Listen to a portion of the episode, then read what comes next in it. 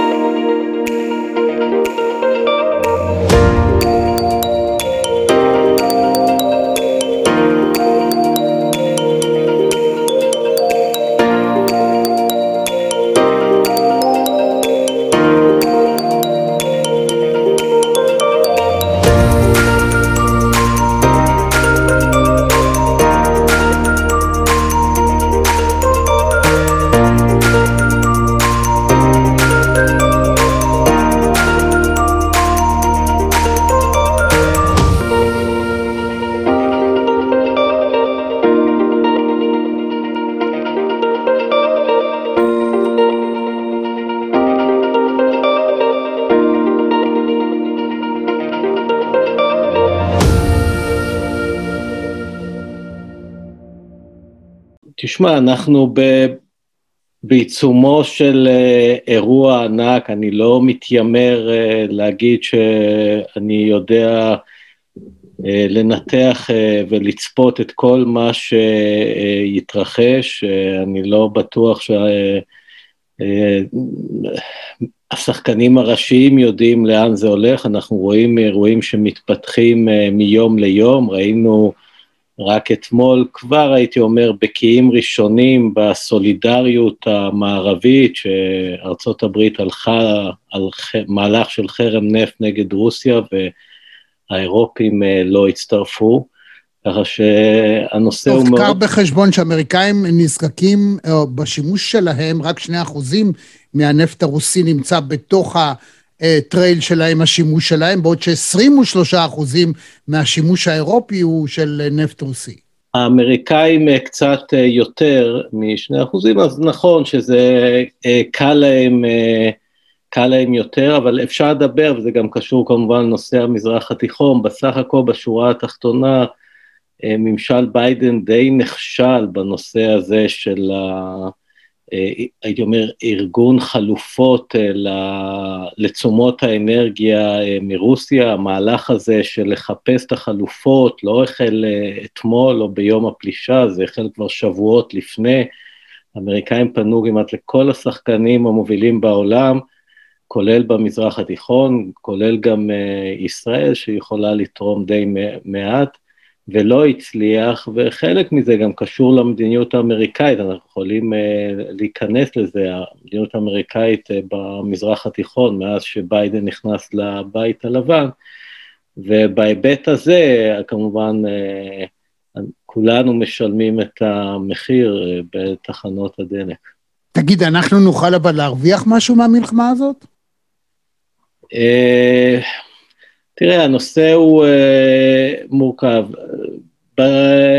קודם כל, אם יהיה כאן זרם uh, גדול של עולים מאוקראינה ומרוסיה, ודגש על אוקראינה, בטווח הארוך אין ספק שהמשק הישראלי ירוויח. אני רוצה להזכיר שב... סוף שנות ה-80 הצמיחה במשק הישראלי הייתה פחות משני אחוזים, ועם גלי העלייה מברית המועצות לשעבר, הצמיחה במשק הישראלי תפסה תנופה והגיעה בשנות ה-90 כבר לרמות של שישה אחוזים. אנחנו מדברים בדרך כלל על כוח אדם מוכשר מאוד שמגיע מהאזור הזה, בואו לא נשכח שאוקראינה אחרי נפילת ברית המועצות הפכה בעצם למרכז הייטק, תמיד דובר כאן על, רצ... על העסקה של מהנדסים אוקראינים בחברות הייטק, outsourcing, וכפי שאתה יודע הרבה יותר טוב ממני, ההייטק הישראלי סובל ממחסור אה, בכוח אדם, אז זה בהחלט משהו שיוכל לדעתי אה, לשדרג את הכלכלה הישראלית. כמובן שיהיו עוד אה, גורמים בטווח הקצר, הייתי אומר שהם פחות אה, סימפטיים, אני מתאר לעצמי שאם יהיה כאן זרם גדול של עולים, זה יגביר עוד יותר את הלחץ על שוק הנדל"ן, מחירי הדירות, שגם ככה נמצא כל הזמן במגמת עלייה, וכמובן שאנחנו נסבול uh, כמו שאר ה... Uh, מדינות בעולם מעליות המחירים. Uh, מעבר לכך, לגבי הרווחים האפשריים, אז כפי שציינתי בהתחלת הדברים, אני חושב שנושא הגז הישראלי הוא כן uh, uh, יתפוס uh, תאוצה, כבר היום אנחנו מתחילים uh, לדבר על אפשרויות של uh, העברת uh, גז ישראלי uh, לאירופה.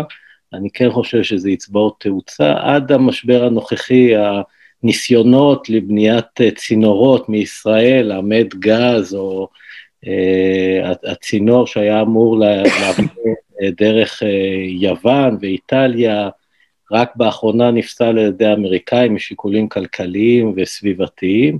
בדיוק היום אנחנו אבל מדברים על ביקור של הנשיא הרצוג ב...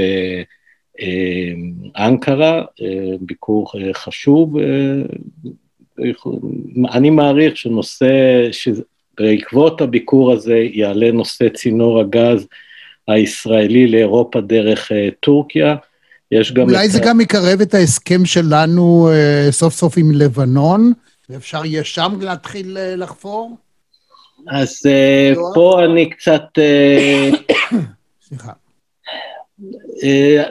כרגע אני די סקפטי בטווח הקצר, כי אני חושב שללא הדחיפה של האמריקאים, אה, לא יהיה הסכם mm. עם לבנון, ואני חושב שכרגע הכוח, הרוח החיה מאחורי המשא ומתן הזה, השליח המיוחד, עמוס רוכשטיין, יש לו בעיות אה, אנרגיה קצת יותר סבוכות כרגע להתעסק איתן. ושוב, אנחנו מדברים אה, גם על אה, לבנון, לבנון לפני בחירות, בלבנון אה, קשה להשיג הסכמה על נושאים פעוטים יותר מאשר mm. נושא של רישיונות גז. אני קצת סקפטי, אבל יכול להיות שזה יקרה. אני בכלל חושב ש... במהלך האירוע הזה, או כשהוא יסתיים, אנחנו כן נראה כאן שינויים במזרח התיכון. אני חושב ש... האמריקאים יהיו אה, הרבה יותר אה, תקיפים אה, בכל הנושא של הקשרים עם ארצות הברית, עם רוסיה, סליחה, אני מדבר שמדינות האזור, כנראה גם כולל שלנו, עם רוסיה, אני חושב שגם הנושא של סין, האמריקאים הם יפעילו לחץ, כפי שהם יודעים להפעיל לחץ על כל, על המדינות פה באזור, אה, בנושא סין, ואני חושב שבשורה התחתונה, אם מדברים מי יהיה המנצח הכי גדול מכל האירוע הזה, אז זה כנראה איראן. כנראה איראן. כן. בגלל שהנפט שלהם וכולם עכשיו מחזרים אחריהם, אחרי ונצואלה, שתי, שתי מדינות שנחשבות איכשהו ככה מוקצות כן, מחמת כי, מיוס. אה, כי בסופו של דבר אין, אה, אין כאן מטה קסמים. אה, האירופים הודיעו אתמול שהם אה, יוותרו על הגז הרוסי, אבל זה לא משהו שאמור לקרות אה, מחר בבוקר וגם לא מחרתיים. דברים כאלו צריכים היערכות, וחלק מהסיבה שהאירופים לא הצטרפו, כי הם פשוט לא יכולים למצוא כרגע תחליפים, ואני כן מעריך שאם האירופים יצטרפו למהלך האמריקאי להחרים אה, נפט רוסי, זה יהיה אך ורק שיהיה להם אה, בטוחות שאיראן או ונצואלה ומדינות נוספות אה, יכניסו נפט לשוק, כרגע זה לא קורה, אבל זה לא קורה גם רע ממדינות שנחשבות יותר מקורבות לארה"ב, כמו סעודיה והאמירויות, שממש... התפרסם שביידן ניסה לדבר עם השליטים ו... לא רצו לדבר איתו, עדיין לא רוצים לדבר איתו על uh, הגברת תפוקה או הורדת מחיר, שזה דבר מעניין מאוד. אז זה מה שאמרתי לך בתחילת הדברים, הוא, uh, ביידן בעצם uh, משלם מחיר על המדיניות שלו. לא ניכנס עכשיו לדיון, אבל כשביידן נכנס הוא בעצם מחק את סעודיה בגלל יורש העצר מוחמד בן סלמן, שמואשם בהוראה לרצוח את העיתונאי חשוקג'י באיסטנבול, אז ביידן... באמצעות תוכנה, רוגלה, שמיוחסת... המעקב היה, אבל הביצוע היה של סוכנים כן. סעודים. הוא נכנס, רק נזכיר, האיש הזה פוטה, עשו לו כיפה אדומה, הוא נכנס לקונסוליה באיסטנבול של סעודיה, ועל פי מה שהמודיעין האמריקאי לפחות אומר, הוא יצא משם בחתיכות. זאת אומרת, הרגו אותו במקום אחרי שיחה קצרה, חתכו אותו והעלימו את הגופה, הוציאו אותה בחתיכות ממש מתוך הקונסוליה. ככל הנראה... לא נודע. לאן, איפה הוא קבור. אני חושב שגם לא ימצאו, כי ככל הנראה גם המיסו אותה בחומצה. ו... נורא. כן, אז uh, ממשל ביידן החליט שהוא לא מדבר עם uh, הסעודים, גם עם האמירויות uh, הייתה התקררות ביחסים, הוא בעצם לא דיבר עם המנהיגים של שתי המדינות האלו שנחשבו הקרובות ביותר לארצות הברית, ויש שתי שחקניות מובילות בעולם הערבי, הוא לא דיבר איתם שנה, עד שהתחיל פה המשבר, אולי למעט שיחות נימוסין כאלו ואחרות. ולא רק זה, הוא גם הז... המנהיג המפרצי היחיד שהוא הזמין לבית הלבן היה לא אחר מאשר אמיר קטר, שייח' תמים. וזה בפוליטיקה הפנימית. זה אבסורד. כן, בפוליטיקה הפנימית אה, של המפרץ זה ממש אה, עלבון. סתירה, בטח. אז אה, כמובן שהוא הזמין גם אותו בגלל נושא הגז, שקטר היא שחקנית מאוד מובילה בתחום הזה, אבל גם קטר לא מתלהבת כל כך אה, לסייע, כי היא גם לא יכולה. בכל מקרה, אה, הנתק הזה אה, נוצר בגלל הנסיבות הללו, ועכשיו שביידן אה, פונה, אה, לצורך העניין, לסעודיה, הסעודים עושים גם, אה, עזוב רגע, בוא נניח בצד את, ה, את שיקולי האגו שהם חשובים מאוד באזור הזה, אבל הסעודים עושים אה, אה, חישוב כלכלי קר וגם פוליטי. בשש השנים האחרונות הסעודים והרוסים יצרו ברית שנקראת אופק פלוס, שהיא בעצם, הייתי אומר, שומרת על האינטרסים של שתי המדינות האלו וגם על האיזון בשוק הנפט.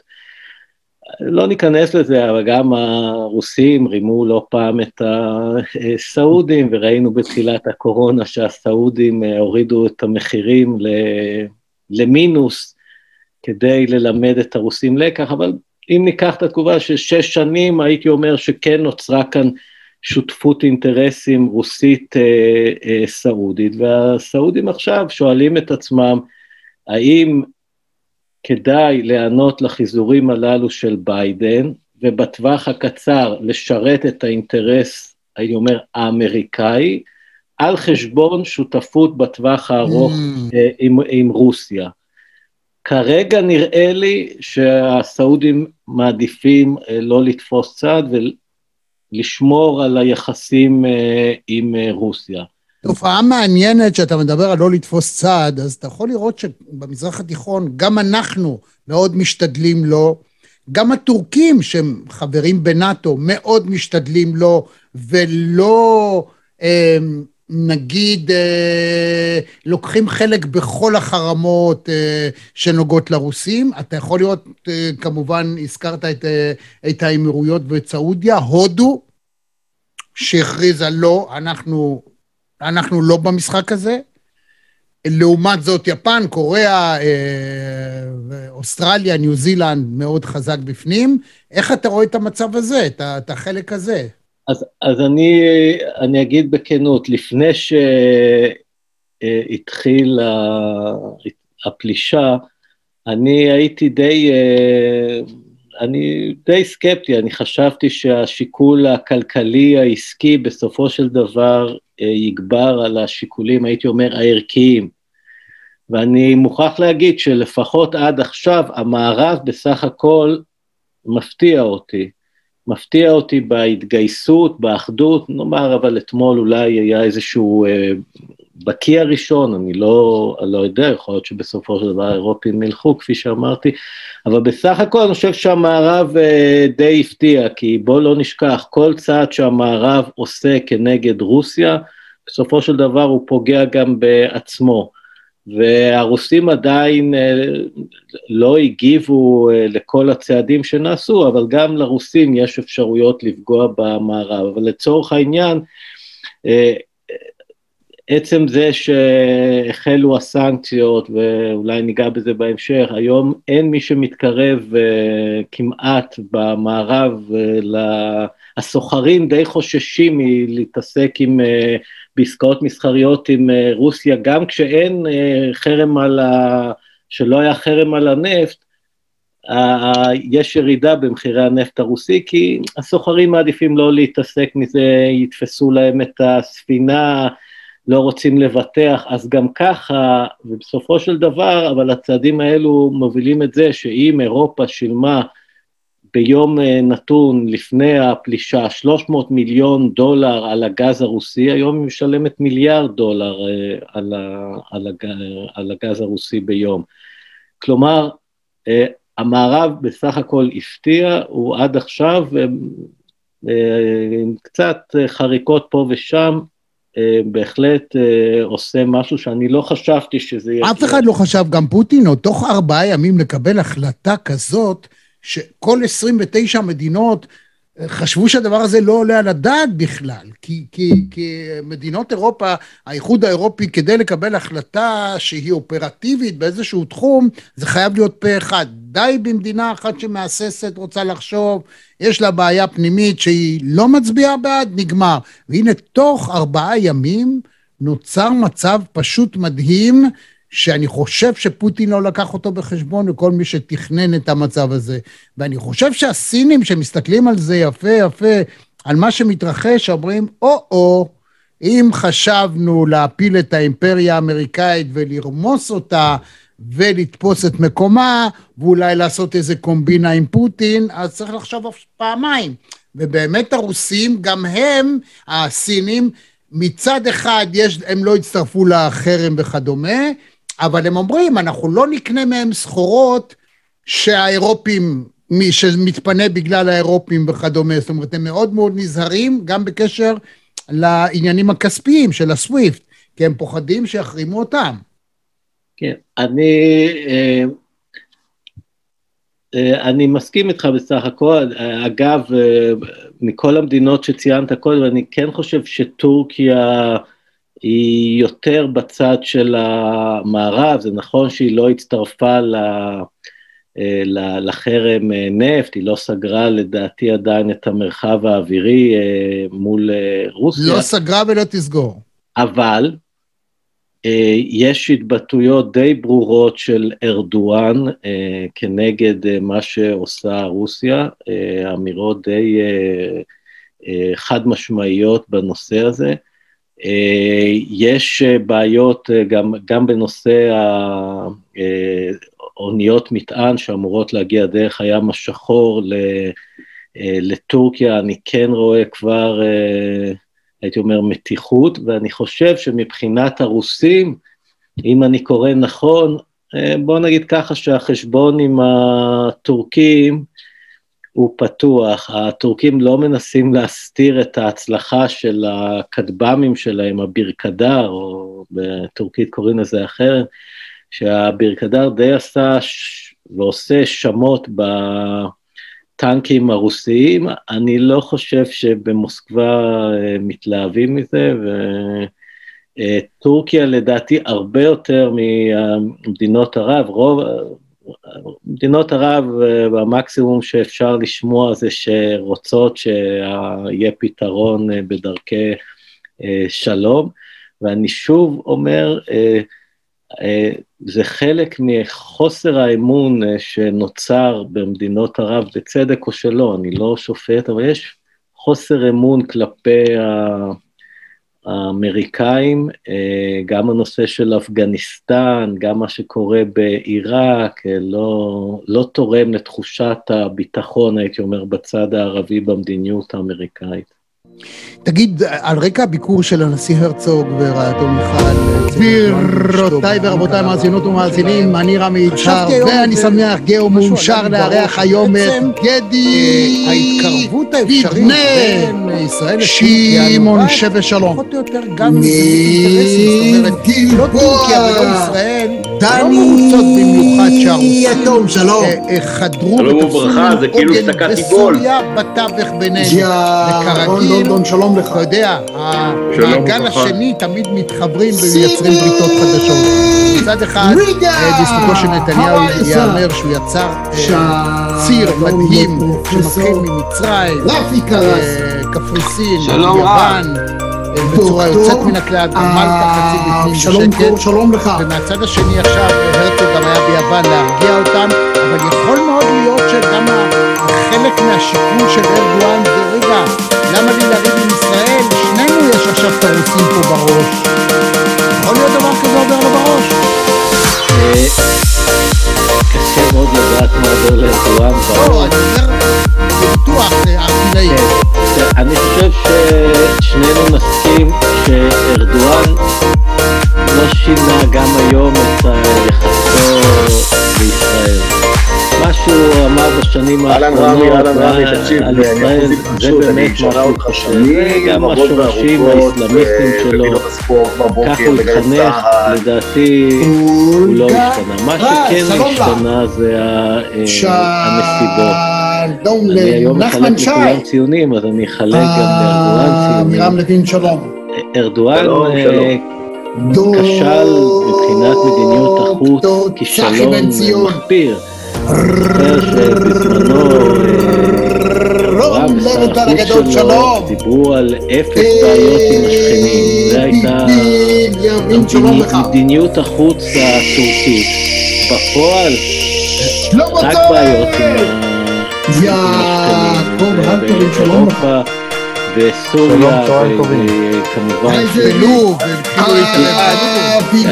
שלום רמי, מה שלומך? הכישלון כאן הוא חרוץ, הוא לא השיג את המטרה.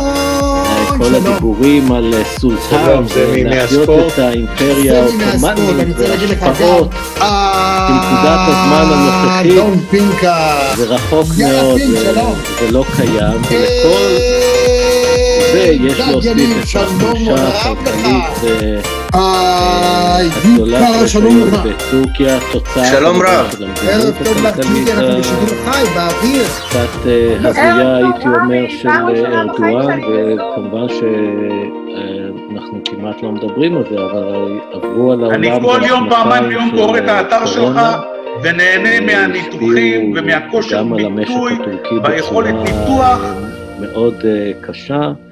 ולכן מבחינה כלכלית טורקיה די עם שוקת שבורה. גם בנושא של הגז, בעצם טורקיה מודרה, היא, היא לא קיימת בעצם בתוכניות באגן הים התיכון, וזה גם משהו שחשוב לארדואן, ולכן אני חושב שהאינטרס, גם הפוליטי וגם הכלכלי, הוא זה שמביא את הרצוג היום לאנקרה. אני בסך הכל הייתי אומר שאני חושב שיותר ישראל היא, היא, היא תהיה יותר סקפטית ויותר אה, אה, זהירה, אה, א', בגלל ניסיון העבר, וב', אנחנו צריכים אה, לזכור ולא לשכוח שבשנה הבאה, לפי התאריך, אמורות להיות בחירות בטורקיה, לפי כל הסקרים, הפופולריות של ארדואן יורדת ככל שהכוח של הלירה הטורקית יורד עקב אינפלציה וקשיים כלכליים. יש לו גרעין קשה, בעיקר בפריפריה, אבל לפי כל הסקרים הוא עומד להפסיד את הבחירות ולכן הוא לא מקדים אותם, אני חושב שבישראל מבינים שתצטרך כאן להיות מידה של אה, זהירות, בוודאי אה, עד אה, שהבחירות, ואני חושב שה... תמיד לקראת הבחירות הוא שוב מדבר על הפלסטינים, נכון, אז... ישראל, אבל זה חלק מתעמולת נכון, בחירות. אבל בכל מקרה אני חושב שכדי ישראל, אני מעריך, תהיה מאוד זהירה, ו... לפחות כדי לראות לאן אה, זה מתפתח. אה, שבט הרוח. כן, אני לא רואה פה בקרוב איזה שהם פריצות דרך. אה, אני היום קראתי דווקא באיזה עיתון טורקי, שקצין בכיר לשעבר שם כבר דיבר על להחיות את שיתוף הפעולה הצבאי עם ישראל, שהופסק ב-2010 אחרי תקרית המרמרה, הטורקים מרגישים ש... הם שוב, הם, אה, הרי כל תעשיית הכטב"ם שהזכרתי אותה, היא פרי שיתוף פעולה שהיה עם ישראל, ולכן לישראל יש, אה, ככה טורקים מאמינים, הרבה טכנולוגיות צבאיות וגם אזרחיות שיוכלו לשדרג אותן, אבל אני לא בטוח שישראל תמהר אה, לשקם את ה... כן, כן. זאת אומרת, אם אני מסכם סיכום ביניים, מה שאמרת עד עכשיו, זה ככה. אה, דורון פסקין אמר לכם ככה, ביידן נכשל במדיניות החוץ שלו, וכתוצאה מכך היום חלק מהקשיים האמריקאים נובעים מהמדיניות שלו. זה לא חלילה שפסקין מתכוון שטראמפ היה איזה עילוי. למעשה זרעי הרוע והחורבן ניטעו כתוצאה מהמדיניות של טראמפ, ההזויה שלו מאוד, אבל ביידן לא הצליח להוציא את אמריקה למקום אחר. אולי אנחנו צריכים להגיד בגדול שאמריקאים, אה, חלק בהתנדבות וחלק לא, אה, מבינים שהם רוצים להפסיק להיות השוטר של העולם. ותהליך ההתכווצות שלהם חזרה הביתה, הסיסמה לעשות את אמריקה גדולה מחדש, הכוונה היא כלפי פנים בעיקר. וביידן אה, הולך על הכיוון הזה, ולו בהשקעות העתק שלו, אה, להתחיל לעשות, לשפץ כבישים וגשרים, תשתיות. אמריקה אה, מדורגת במקום השלושים בעולם מבחינת איכות התשתיות של המדינה הכי עשירה בעולם, הכלכלה הכי חזקה בעולם, וזה דבר מדהים שאמריקאים, המדרכות שבורות, זה משהו נורא. אז הוא אומר, רגע, בוא מיליארד, כמעט שני מיליארד אה, דולר הוא רוצה להשקיע בכלכלה, ואומר, מה אנחנו צריכים ללכת להילחם? נמכור נשק שהם יילחמו. לדעתי שני טריליון. שני טריליון. כן. כן, שני טריליון, בהתחלה 1.7, אבל בסוף זה יוצא הרבה יותר משני טריליון. אז זאת אומרת, אז הוא בחלק הזה נכשל, הוא לא רוצה להיות השוטר של העולם, אבל הוא מבין את המשמעות של זה היום. ביידן שגה, תראה, צריך אולי להגיד, ש... מי שהחליט לעזוב את אפגניסטן וקיבל את ההחלטה והודיע עליה, הכריז עליה, היה טראמפ. הוא רק ביצע את זה בסוף בפועל. היציאה שלו הייתה חפוזה מדי, הייתה מטופשת. אם היה עושה מה שברק עשה באלפיים בלבנון, הכל היה מסתדר בסדר. הוא לא עשה את זה ככה, אבל זה גם כי הטעו אותו, כי הטעו אותו אנשי הצבא במודיעין. יש שם נשק 76 מיליארד דולר, הנשק שיש שם יכול לחמש חמישה צבאות, ויום אחד עזבו, והמודיעין האמריקאי כל הזמן אמר, אין בעיה, האפגנים יילחמו נגד הטליבן. ומה קרה בפועל? בלי ירייה אחת הם לקחו את השלטון. מה זה אומר לדעתך? אני רוצה, לפני זה אני אגיד לך עוד, אה, עוד משהו. שוב, אני לא אומר שזה כישלון, זה כיוון שהוא מאוד לגיטימי, אבל בתנאים שנוצרו היום, יש כאן בעיה. Uh, הממשל uh, של ביידן, uh, יש לו, אני קראתי קצת עוד לפני שהוא, את התוכנית, אז הממשל הזה שם דגש על נושא של אנרגיות מתח... אה, מת... אה, מתחדשות, כל הנושא של כן. שינויי האקלים. כן, חזר להסכם פריז וכדומה. ולכן כמובן גם אה, הפחתה בייצור המקומי של נפט מפצלי שמן באמריקה, שזה גם משהו שמוסיף היום למחסור. כמובן ביטל גם את צינור הגז אה, עם אה, קנדה. אה, ונושא שני, שהממשל הזה שם עליו דגש לפני שהוא נכנס, זה כל הנושא של סין. ומה לעשות, זה, זה כמו שהאמריקאים לא, במשך השנים אף פעם לא רצו להיות, לא אף פעם, אבל רצו מעורבות מאוד נמוכה במזרח התיכון, אבל בסוף המזרח התיכון משך אותם. הממשל הזה לא התייחס לפוטין כאיזה איום גלובלי או משהו שצריך להתעסק איתו לפני, אני מדבר, אבל אתה רואה, למציאות יש אה, אה, כוח משלה, והיום אנחנו כבר אה, באירוע אחר. אז זה גם משהו ש... אה, אה, כמובן לא הוסיף uh, ליציבות היום בש, uh, בשוק האנרגיה, ובכלל צריך לזכור, המעבר הזה לאנרגיה מתחדשת, שזו יוזמה מבור, מבורכת, כן? אבל לדעתי גם uh, באירופה uh, זה נעשה בצורה שהיא לא מספיק, uh, הייתי אומר, uh, מסודרת, uh, ו... יש לזה הסבר, דורון. ההסבר לא, הוא לא, שהטכנולוגיה, שהטכ... לא הצליחה להדביק את הדרישה, דהיינו. למשל, קח את הנושא המכוניות, שהוא הדבר המזהם, החשוב, הכי משמעותי. אם מחר אתה יכול, אילו יכולנו, בדרך פלא, לייצר את הסוללה הנצחית שיכולה לאפשר לכל מכונית להיטען מהשמש או אה, תקע בחשמל וקדימה לנסוע ללא הגבלה, בלי הבעיות הקיימות, אז העולם היה אחרת. והתקווה הייתה שזה יהיה כבר בשנת 2020, 2021, 2022. עכשיו כבר מדברים על 25. זאת אומרת, יש הרבה תקלות עם הטסלות למיניהם, והמוצרים האלה הם עוד לא משוכללים, זה עדיין דורות ראשונים שעוד לא מאפשרים את המעבר המהיר, זה, המיידי. זה בדיוק מה שאני רוצה להגיד. העולם באופן כללי שאנחנו מסתכלים עליו, העולם מכור לנפט. אה, ואתה יכול לראות את זה בנתונים, במה גם שאתה אומר, כמה מכוניות חשמליות נמכרות בעולם לעומת אה, מכוניות... אה, כלום ושום דבר. נכון. משתי ו... סיבות, גם כי תעשיית הרכב מגינה על עצמה ולא רוצה שזה יקרה, ואלי הנפט לא רוצים שזה יקרה, אוקיי. ומעכבים את זה בסיבות כאלה. תראה, בארץ, בארץ אומרים, תקנה אוטו חשמלי, תשלם קנס. אוקיי. שזה אבסורד. אז, זה מה שאני רוצה להגיד, בסך הכל, הנפט הוא גם, כמובן, שכבר לא קל כמו בעבר, לכולנו יש את התמונה שבסעודיה במדבר שמים. אה, פותחים וזה מתפרץ, כן.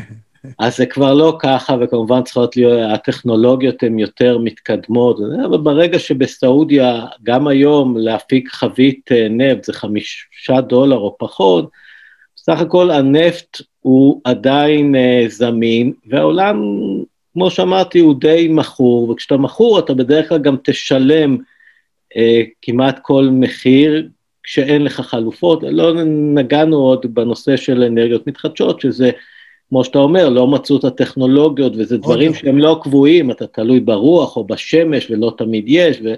אבל לא, לא ניכנס לזה. אז בסך הכל, העולם, אה, קשה לו להשתחרר מהתלות הזו אה, ב, ב, בנפט, ואני, אח, יש לי חדשות טובות וחדשות רעות.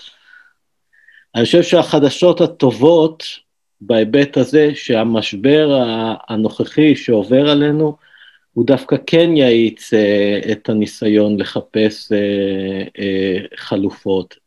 זה לא קל, ואנחנו רואים, אם הזכרנו תעשיית הרכב, גם כל הנושא של השבבים מאז הקורונה גם נותן מכה חזקה, זאת אומרת, יש הרבה בעיות uh, עם זה, אבל אני כן חושב שאנחנו uh, נראה אה, תזוזה יותר מהירה אה, אה, לכיוון הזה. עקב המשבר הנוכחי שאנחנו עוברים אותו, ואני לא בטוח שראינו עוד את סופו. פשוט אנשים לא מבינים ש... בוא נגיד אם נגיע לתקרית, לתקרית, לתסריט הקיצוני, נגיד שפוטין מוריד את השלטר היום על הגז, באירופה יש הפסקות חשמל, כן? אירופה המתקדמת יהיו בה הפסקות uh, חשמל, זה לא, זה, כמו עיראק, לבנון ו... כן, אבל זה לא יעבור בזה, אני, לא, לפי דעתי, לא. תתחיל מלחמת סייבר שתכבה את האורות בכל המקומות בעולם. לא, זה, אני... כאילו, אני, ההשלכות הן לא, הן, הן נכון, לא אבל אני רק מסביר את המשמעויות, כמה נכון. אירופה לא ערוכה, ולכן היא לא יכולה מחר בבוקר, אבל אני כן חושב שה... המכה הזו כן uh, תאיץ את הנושא של חיפוש אלטרנטיבות, זה החדשות הטובות. חדשות הרעות, אתה רוצה לשמוע? ודאי, שכולנו נדע איך להיערך. אני מדבר יותר בהיבט של המזרח אה, אה, התיכון, כי אני יותר מתעסק במזרח התיכון. אני חושב שאנחנו עדיין לא יודעים כיצד המהלך של פוטין יסתיים, אבל לפי הערכתי, כמובן זה לא אירוע שהוא קצר, ואני עדיין לא רואה איך פוטין מרים ידיים ועוזב את אוקראינה, אז אני כן חושב שהמדינות אה, באזור, אלו שיש להם ואלו שפחות יש להם, יפנו אה, יותר ויותר משאבים לתחום ההצטיידות הצבאית. זה טוב לנו? לא, זה פשוט דבר מדהים שבשנת 2022, 3, 4, האזור הזה, שבאמת בחלק מהמדינות הייתה תזוזה מאוד משמעותית להפניית תקציבים, לפיתוח, לצמיחה, לדברים, לאזרחי, אני חושב שאנחנו נחזור שנים אחורה למסעות של הצטיידות של רכש צבאי, ואני לא בטוח שזה חדשות כל כך טובות לנו. על התעשייה הצבאית, בוא נגיד, לתעשיית כן. הנשק הישראלית. אני מדבר פה מבחינה כן, גיאופוליטית. כן. אתה יותר מצודק, כי בדרך כלל, במקומות שבהם יש צבא חזק, הצבא הופך להיות סוג של תעשייה. והתעשייה יש לה אינטרס לייצר תמיד עימותים, אה, להמציא אויבים, אה, לייצר תקריות שמדומות או אמיתיות כדי להסביר עד כמה זה חשוב וחכם, עוד נשק. גם ברמה של אה, לדבר או לייצר סוג של איום, זה גם... כן, בוודאי, כי, כי אז יש... אה, פלח גדול של השוק של אותה מדינה, שהופך להיות הכת הצבאית וכל התעשייה של הצבא והנשק, הם אה, רוצים להתבצר ואף אחד לא רוצה לאבד את עמדות הכוח שלו, ולכן, אה, אתה יודע, לא, בדרך כלל בדברים כאלה, אותם ארגונים לא ששים לשלום. הם רוצים תמיד שיהיו מלחמות, או לפחות יהיה איום במלחמה. אז זה מעניין מאוד מה שאתה אומר. מהצד השני, תגיד, גם יכול להיות שמחיר חבית אה, נפט תגיע ל-200 דולר, ואז אנשים יתחילו אולי לנסוע פחות, סוף סוף יגידו, רגע, אם אני נוסע מכפר סבא לתל אביב לראות איזה הצגה, אז יכול להיות שהנסיעה תעלה לי יותר מאשר ההצגה עצמה, אז רגע, בעצם אולי לא ניסע. או במקום שתי מכוניות בבית, תהיה מכונית אחת, יותר תחבורה ציבורית, אנשים יתחילו לחסוך, כי המרכיב של ההוצאה הזה הוא יכול להיות מאוד מאוד משמעותי. אז כמו שאמרתי לך, כרגע לפחות העולם די מכור לנפט, וכמובן שהחל לדעתי 60 אחוז מצריכה, מהנפט בעולם זה מופנה לתחבורה. אז אה, כן, אני לא יודע אם זה במצ... בישראל עצמה, אני לא בטוח שיש כל כך תחלופות ל... אין חלופות. ל... לרכב פרטי, בטח בשעות מסוימות. או שכפר סבאי כמוך יישאר בבית ויראה את ההצגה בכפר סבא ולא ייסע לך לתרבות או משהו. רמי, אתה מכיר אותי שנים, אני גם ככה נשאר בבית.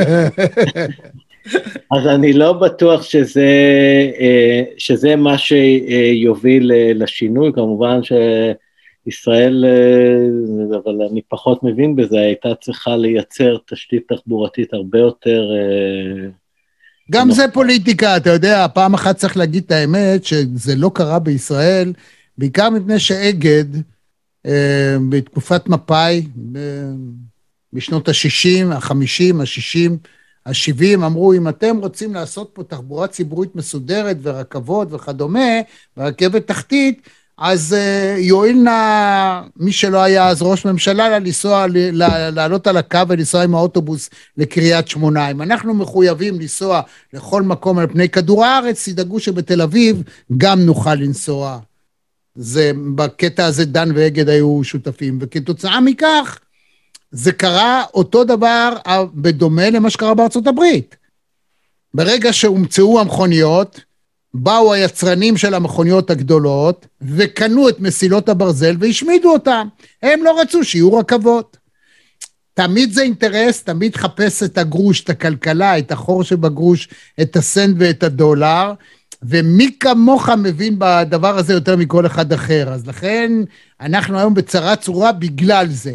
ועדיין זאת לא סיבה לא לעשות, כי אם תיקח מדינות אה, שערכו אולימפיאדה, מי, אתה יודע, בספרד וביוון וביפן ואיפה לא, ובסין עצמה בבייג'ין, תוך שנתיים שלוש הקימו מערכת אה, תחתית מדהימה או במוסקבה, ואין סיבה שפה זה ייקח כל כך הרבה שנים שזה לוקח.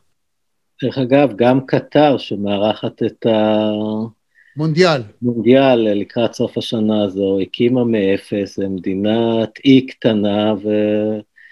אה, אבל הייתי רוצה רגע לחזור בנושא של מחירי הנפט, אז uh, כמובן יש מי שמרוויח, יצרני, אני מסתכל על המזרח התיכון, אז יצרניות הנפט יחגגו ככל הנראה, ונשאלת השאלה, א', מה יעשו עם ההכנסה העודפת. אז uh, הייתי, קודם כל, uh, מחלק את העולם הערבי כמובן לשניים. אז בואו רגע ניגע ב, במדינות המפרץ. Uh, יש כאן חדשות uh, גם, uh, אני חושב, הן פחות טובות. בטווח הקצר כמובן הכנסות שיא, ובדרך כלל כשיש לא רק במדינות המפרץ, בדרך כלל כשיש uh, הרבה כסף, אין לך את הדאגות ולכן אין שום uh, רצון לעשות רפורמות. המדינות המפרץ, אם אנחנו מדברים על סעודיה וקטר וכווית והמדינות הללו, מתי הם התחילו לעשות רפורמות? כשמחיר הנפט היה נמוך. כשיש לך פחות כסף, אז אתה באמת מתחיל לעשות רפורמות שהן uh, חשובות. והיום זה כנראה לא, אם כי יש אה, דור אה, חדש אה, בהנהגה, אז יכול להיות שקצב הרפורמה, זאת אומרת הרפורמות יימשכו, אנחנו רואים בסעודיה קורים תהליכים... בן סלמן הוא לא איש רפורמות, הרי הוא... כן, קורים תהליכים מרתקים, ואני חושב בשיחה קודמת איתך כבר אמרתי שלדעתי המדינה החשובה יותר באזור, עם כל הכבוד לישראל, זה דווקא סעודיה, כי מה שיקרה שם, יקבע הרבה מה שיקרה במזרח התיכון. אז בן סלמן הוא איש של רפורמות, אבל צריך לזכור שיש גם הרבה התנגדות לצעדים אה, ש, שהוא עושה, ועד כה בשש שנים האחרונות, מאז שהוא הכריז על התוכנית הרפורמות שלו, הוא כמעט לא עמד בשום יעד, גם mm. הקורונה הפריעה כמובן, ובטח בסוגיה הבוערת ביותר של צמצום האבטלה בסעודיה, הוא בכלל לא עמד ביעד, אבל כפי שאמרתי, יש גם תנאים uh, מקלים. השאלה באמת, האם uh, עכשיו, לאור זה שההכנסות יהיו גבוהות יותר, האם הרפורמות uh, יימשכו? אני לא יודע, יש גם כוחות שהם מאוד, כוחות פנימיים שמאוד מתנגדים, למשל לרפורמות בערב הסעודית. זה סיפור שהוא מאוד מעניין. רוב המדינות האלו, צריך להבין, משלמות משכורות, זה, בעצם מה שחונק את התקציב שלהם, כי הן משלמות משכורות בעצם לאבטלה סמויה, זה אנשים שבאים, לא עושים הרבה, אבל כדי לקנות את השקט, פשוט משלמים להם שכר במגזר הציבורי שהוא הולך ומתנפח, והוא בעצם חונק אפשרות להעברת תקציבים למגזרים שיכולים לעודד צמיחה ופיתוח ו, ותשתיות. השאלה אם עכשיו במצב הזה ימשיכו לקצץ ולהקטין את המגזרים המנופחים האלו, אה, שאלה אה, טובה, וכפי שאמרתי, החדשות הרעות אה, למדינות המפיקות נפט, שבטווח הבינוני והארוך, כן, אני חושב שהעולם יתכנס להאצת החיפושים אחרי חלופות לנפט, והן צריכות להיערך לזה. זה בהיבט של המדינות העשירות יותר, ואני, האמת שאני חושב על זה מאז שהתחיל האירוע, מדינות כמו מצרים, שאגב, צלחה יפה מאוד את uh, משבר uh, קורונה, אבל מצרים, uh, uh, מרוקו, uh, לבנון, עיראק, ירדן, אני באמת uh, uh, חושב שהן uh, במצב uh, קשה מאוד, הן מדינות שרובן, uh, רוב האלו שהזכרתי, מייבאות תשומות uh, אנרגיה, זה מדינות שכמובן מייבאות גם כל הנושא של החיטה, אנחנו רואים כבר היום מחירי המזון עולים בכל, לא רק בישראל, בכל העולם, גם באזור שלנו, אני כבר רואה ניצני הפגנות ב, בעיראק, אתה יודע שיש אה, טענה, אחת הטענות שהאביב הערבי הגיע ב-2011, שנה אחרי שרוסיה אה, הודיעה על הפסקת ייצור חיטה.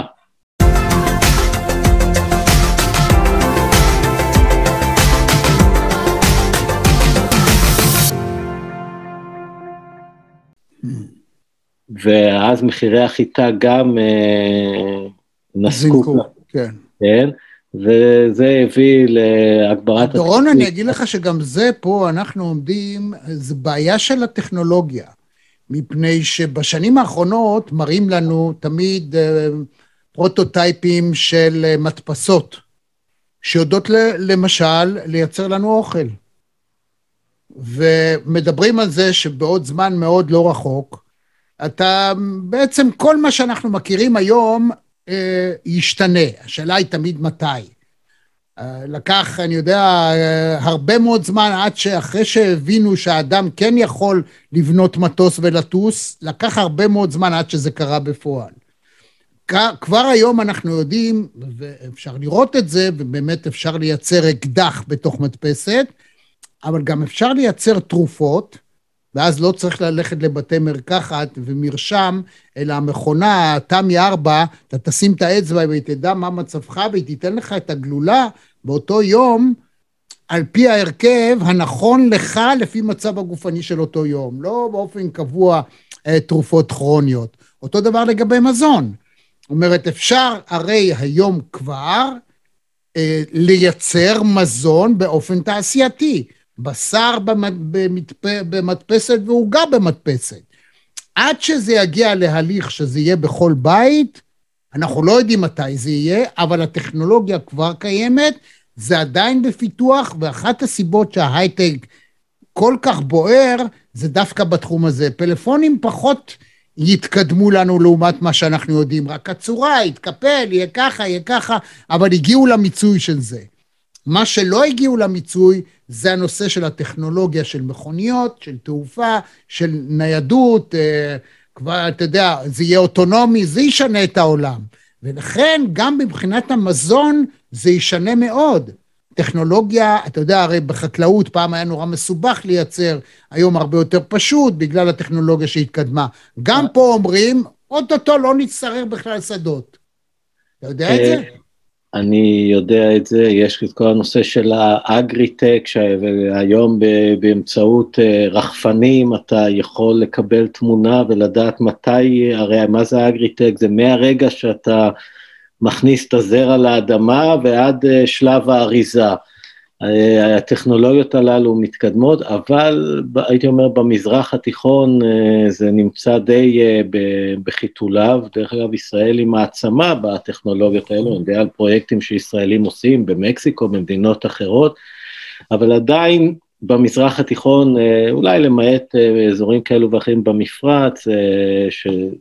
במדינות המפרץ, דרך אגב, לישראל יש הרבה מה לתרום, כי חקלאות מדברית ודבר, ודברים כאלו, טכנולוגיות מים, אה, אז זה משהו שישראל כן יכולה לתת, אבל רבי, אנחנו מדברים על אה, מחר בבוקר, ועבדל פתח א-סיסי, מחר בבוקר צריך להניח פחות או יותר 100 מיליון פיתות על השולחן, וכשאין חיטה, אה, או כשהחיטה היא יקרה, יש לזה מחיר, אז כשאמרתי ש... על זה נזכיר שעבדול נאסר פעם התחייב שלעולם פיתה מצרית לא, לי, פיתה שקונים במצרים, לא תעלה יותר מגרוש מצרי. אוקיי, אז... זו הייתה פיתה בגודל של שולחן, והואיל והוא התחייב, אז הוא עמד בזה, אבל לאט לאט הפיתה הצטמקה, עד שהיום ברור שאין אפילו בגרוש. נכון, היום, אם אני לא טועה, זה חמש, חמש לירות מצריות. אבל, וכמובן מצרים היא מסבסדת uh, את מחיר uh, הלחם, אבל uh, בתנאים הקיימים שהיא התבססה על יבוא חיטה מרוסיה ואוקראינה, המחיר הזה יצטרך לעלות, ואנחנו, לנו זה מוזר, אבל צריך להבין גם מה זה מצרים, כן? עלייה של אפילו לירה אחת, שזה נראה...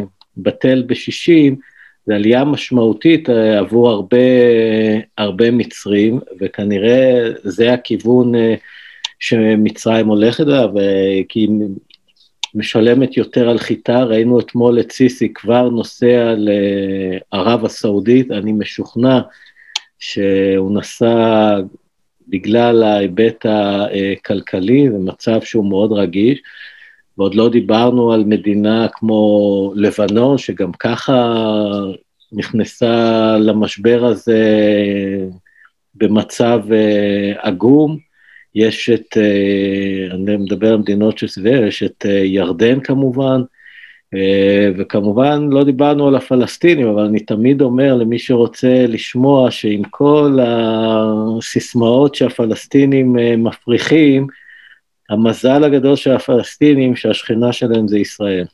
הם יודעים את זה. אוקיי, אבל uh, זה לא... זה לא מפחית. את השנאה, אבל אתה יודע. כן, אני רוצה uh, לציין שוב uh, שאנחנו נכנסנו למשבר הזה של uh, אוקראינה, שגם ככה uh, הייתי אומר שהיכולות של שרשראות האספקה העולמיות מתוחות עד הקצה, היום קשה להשיג... זה אמיתי אגב, אתה בתור פרשן כן, כלכלי באמת כן, מדהים. כן, אני כן. קורא בשקיקה ואני יודע שאתה מבין לעומקי עומקם את הדברים. עד כמה זה באמת אמיתי. או שזה חרטא רק בשביל לעשות כסף? אה, תראה, אני רואה את המאזנים של צים, אני, אתה יודע, חברה שפעם לא הייתה, לא היה לה כסף אה, בשביל לצבוע את הזהו שלה, ותראה מה קורה עכשיו אז, לכל אז, אילי ההון הישראלים שבים. אז רגע, בוא אני אגיד לך משהו על זה. גם בנושא הנפט, שהמחיר היום הוא 130 אה, דולר לחבית, יש מגולם בתוך זה סוג של ספקולציה, וכמובן, אה, הייתי אומר, אה, היסטריה או אפקט הפחד גם מגולם. בכלל, אה, לפני שהפלישה החלה, מחיר החבית היה משהו קצת פחות מ-96 דולר לחבית, ולפי כל ההערכות, לפחות ה-10, 12 דולרים, היה מגולם בזה ספקולציה ופחד. אז גם כיום אה, אני מעריך שבמאה ה-30 האלו יש אה, כמה דולרים שזה, יש מי שמרוויח אה, עלינו ועל ההיסטריה שנוצרה, ולא בטוח לפי, לפי ההיצע והביקוש. וגם בנושא הזה של השילוח, יש מי שמרוויח. אתה מדבר על צים, יש את החברת מרסק, בינלאומית, שההכנסות שלה בשנה שעברה היו 61 מיליארד דולר. אז uh, ברור שיש uh, uh, מי ש... אתה יודע, יש אמרה כזו שהמלחמה גרועה לכולם, חוץ ממגזר ההובלה והתובלה, כי אתה גם במלחמה אתה צריך לשנע, ו... אז יש מי ש... שמרוויח, אבל הקורונה, בין שאר הדברים, באמת יצרה עומס אדיר על שרשראות האספקה. מחיר מכולה מ-2,000-3,000 דולר מגיע היום ל-18 ו-20. אבל למה? מה, מה הסיבה? תסביר אחת ולתמיד, שנבין למה. מה, מה, מה השתנה? מה שהשתנה זה, כל, קודם כל ספציפית היום, מה שגורם... לא, עזוב היום, אני, אני מדבר, uh, לא. השתנה באמת, עוד במיוחד אנחנו מדברים עוד בתקופה שמחיר חבית נפט היה 35, 40, 50 דולר, מה, מה הסיפור? לא קרה כלום. אה, כן, אבל אתה שוכח שה... אה, אתה שוכח את הימים של הקורונה, שדווקא כן לוותה בהיסטריה וכן הייתה הגברה של הסחר והמזון, מספיק שאנשים היו, נכנסו פה ושינוע של כל מיני מוצרי רפואה ומכונות, וזה, שכחת כבר... אז זה אמיתי? לא, רגע, זה כן. כאילו... שכחת שעמדנו בתור לביצים לקנות, נכון? והייתה התנפלות. סליחה, אני עדיין, אני פתחתי סניף, אני מוכר נייר טואלט שאשתי קנתה. אין לי מה לעשות. אה, לא, אבל מי... וגם הסינים, כמובן הסינים אה, נכנסו לנושא הזה והתחילו... אה, אה, לייבא בכמויות גם של כל מיני מוצרים, ואל תשכח את התקרית שהייתה בתעלת סואט שהוסיפה אה, עוד, ובסופו של דבר הגענו למצב של פקקים, אה, אבל שוב, אין לי ספק שיש מי שגם עומד מאחורי זה ו... ונהנה. היום כמובן המציאות היא כבר אחרת, כי בנוסף לזה כבר יש אה, מכליות שהן אה, תחת אה, סנקציות שלא יכולות להוביל סחורה רוסית, ויש כמובן גם על ונצואלה שהוטלו ועל איראן. אז לדעתי כל המדינה, ועם מחירי האנרגיה היום, כל המדינות, ויש מדינות שיוכלו לעשות את זה, אבל אני באמת לא יודע, יש במזרח התיכון מדינות שיצטרכו לקבל תמיכה, אני לא יודע מי אה, ייתן להם את התמיכה הזו. יש גם עוד נושא שכמובן לא דיברנו עליו, מי בכלל יתעסק עכשיו בעולם עם הפליטים מהמזרח התיכון, הפליטים הסגורים? או, אנחנו נשאיר את זה לשיחה הבאה. את מי זה יעניין? זה, תשמע, אני שוב חייב להגיד, חברים, באמת, דורון פסקין זה מתנה. אדם שיכול לתת את נקודת המבט הכי מעניינת, הכי מרתקת, וגם את הרבדים השונים של, של כל עניין על מנת להבין אותו אה, לעומק. אז נשאיר אה, לפגישה הבאה שלנו. אז עד כאן הפגישה הזאת שלנו, אה, מרכזי TV. אם אהבתם, תעשו לייק, אפילו על הפעמון, תדעו מתי השיחה הבאה שלנו, זו הייתה שיחה מספר, רעיון מספר 152, בענייני היום וברומו של עולם, מיטב המומחים בכל התחומים, בידור וכלכלה וביטחון, ומה שאתם לא רוצים, וספורט, הכל יש לנו כאן, אז גם במרחבי הפודקאסט, גם ביוטיוב, כמובן בעניין מרכזי. דורון פסקין הגדול, תודה רבה לך. תודה לך, רמי. נתראה בקרוב. כנראה. ביי ביי. ביי. עד כאן מהדורה נוספת של מרכזי TV. אם היה לכם כיף, אם נהניתם, אנא לחצו לייק וגם על הפעמון כדי לקבל רמז על המפגש הבא שלנו. אני רמי יצהר, להתראות.